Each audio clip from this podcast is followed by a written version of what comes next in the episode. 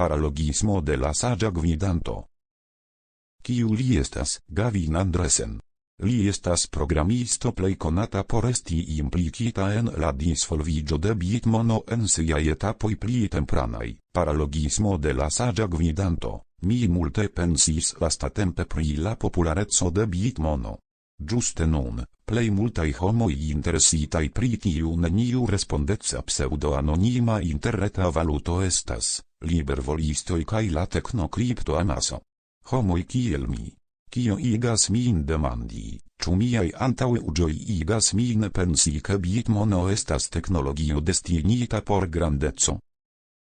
Se mi ludas diablan advokaton cae provas pensi pri tio, kio povus malhelpi Bitmonon por esti populara, mi pensas, che la plei granda baro povus esti la generaligita credo je la paralogismo de la sagia gvidanto, kiu estas formo de argumento de autoritato. Ni emas recompensi cae culpigi niain gvidantoin pro aferoi, kiu estus tute exter ilia controlo.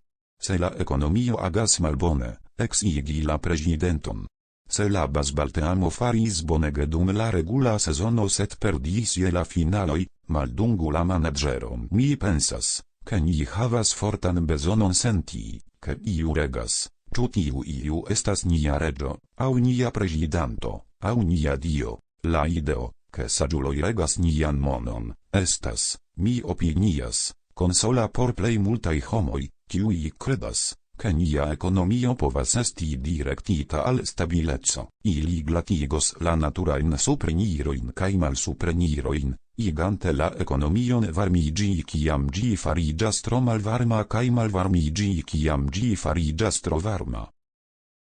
Combinite kun la natura riska aversio kaj suspecto de homoi pri io ain nova, mi volas Cutios sufiĉos por malhelpi homojn uzi bitmonon, se estas trompita, ne riparu ĝin. Estas bona regulo, eble bitmonoj nur fariĝos popularaj en lokoj, kie la monsistemo evidente rompiĝas. Dankon.